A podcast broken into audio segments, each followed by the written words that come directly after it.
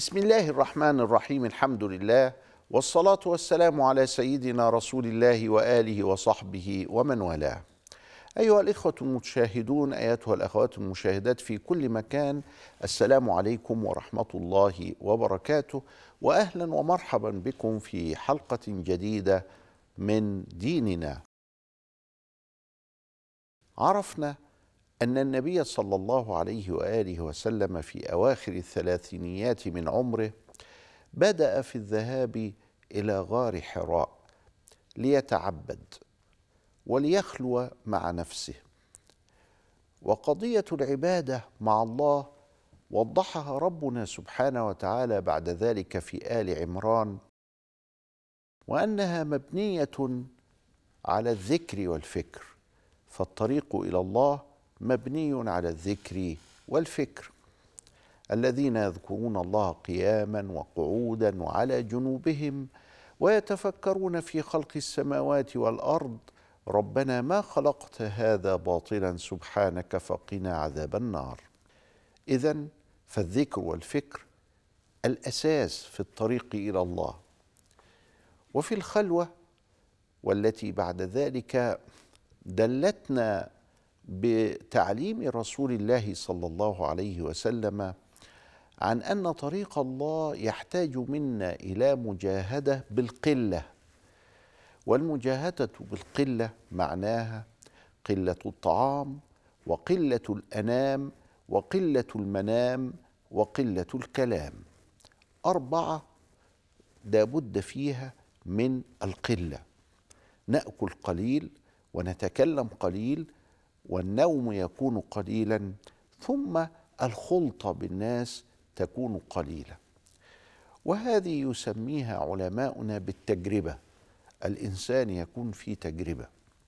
ولأن الإسلام لم يأمرنا برهبانية حتى نعبد الله سبحانه وتعالى كما كانت الأمم السابقة تعبده بالاعتزال التام عن الناس وبالرهبانية التي تذهب إلى الصحراء طلبا للخلو مع الله سبحانه وتعالى فإنه جعل هذه الأربعة قلة الطعام متمثلة في رمضان. فايضا يقول رسول الله صلى الله عليه وسلم حتى لو كنا في غير رمضان بحسب ابن آدم لقيمات يقمن صلبه. قلة المنام تتمثل في قوله تعالى بعد ذلك قم الليل إلا قليلا نصفه أو انقص منه قليلا أو زد عليه ورتل القرآن ترتيلا.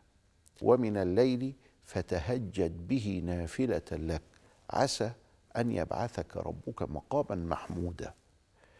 هناك سهر الليل في عبادة الله وفي القلوب الضارعة إلى الله سبحانه وتعالى. هناك أيضا قلة الأنام تتمثل في الاعتكاف الذي يعتزل الإنسان فيه حياته المدنية العامة ويدخل في اعتكاف. جعله رسول الله صلى الله عليه وسلم من سننه في العشر الأواخر من رمضان. وأيضا هناك يلتمس ليلة القدر. كل هذا كان متحققا في غار حراء قلة الكلام وقلة الأنام وقلة المنام وقلة الطعام. فهذه هي الأركان التي تحولت بعد ذلك إلى أمثلة نقوم بها مرة في السنة وجعل ذلك في رمضان. ومن بركة رسول الله صلى الله عليه وسلم أن رمضان تصفد فيه الشياطين. فيترك الإنسان مع نفسه. ليس هناك عائق ليس هناك عائق خارجي يمنعه من الخير. رسول الله صلى الله عليه وآله وسلم ذهب إلى غار حراء وتعبد الليالي ذوات العدد وكان في الطريق إلى غار حراء يسمع حجرا يسلم عليه. فقال إني لأعرف حجرا في مكة كان يلقي علي السلام.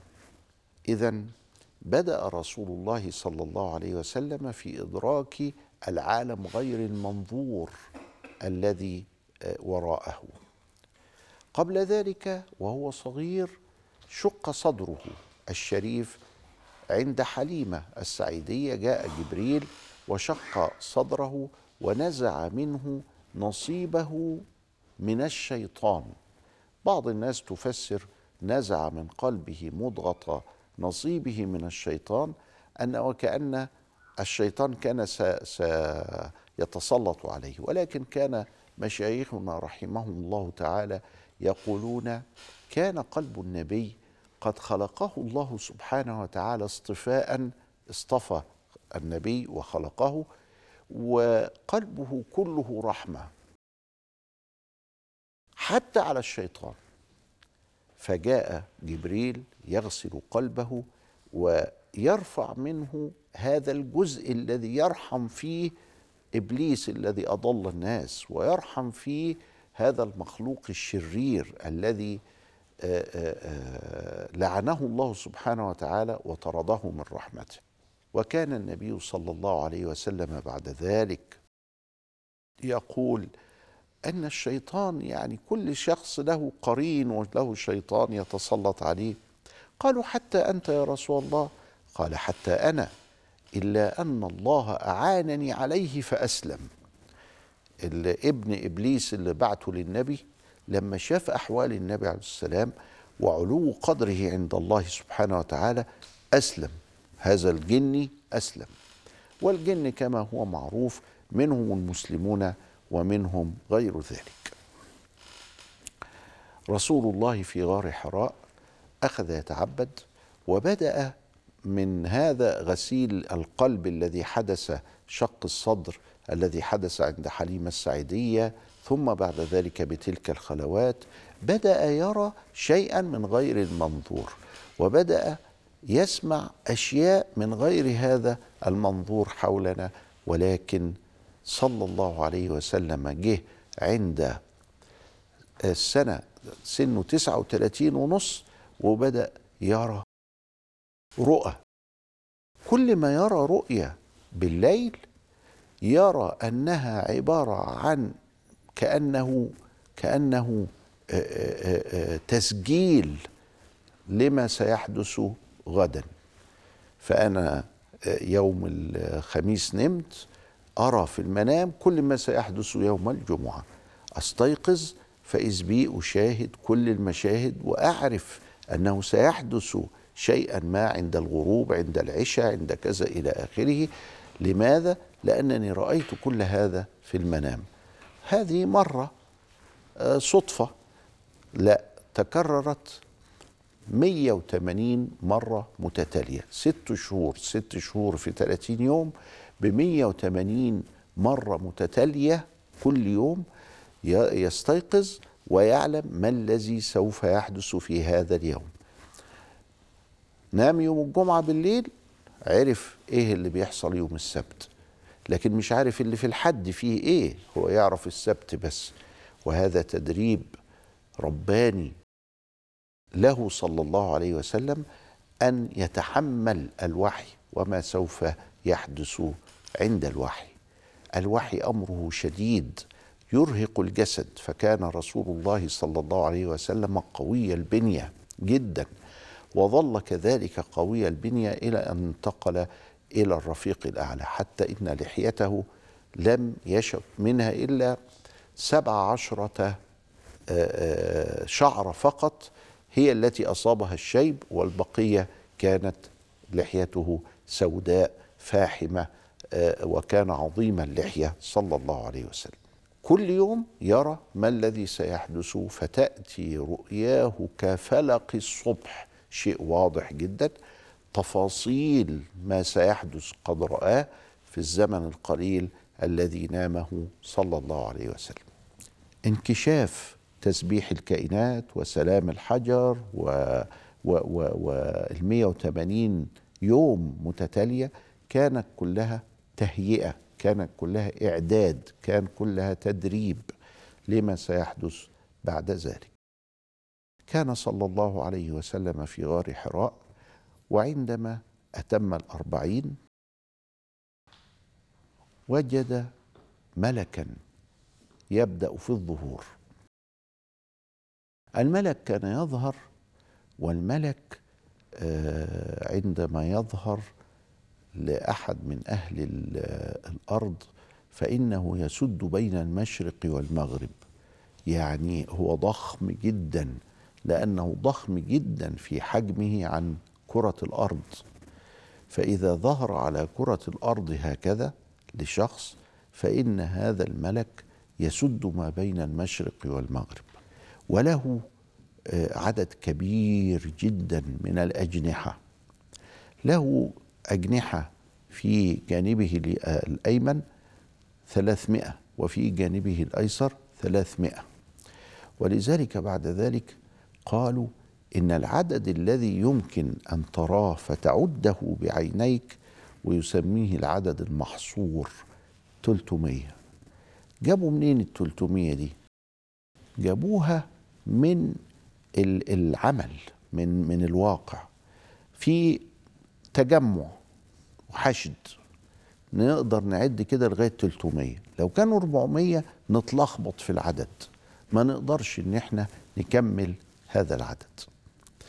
فإذا ال 300 هي التي يمكن لنا أن نعدها من غير ما نتلخبط. النبي صلى الله عليه وسلم جاءه الملك وجاءه يسد ما بين آه، أفق السماء ورآه ولم يقل له شيء.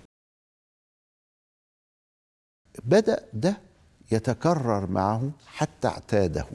فلم يعد هناك خوف لم يعد هناك رهبة لم يعد هناك آه، آه، أن أن الإنسان يتاخد ابدا. الأمر معتاد.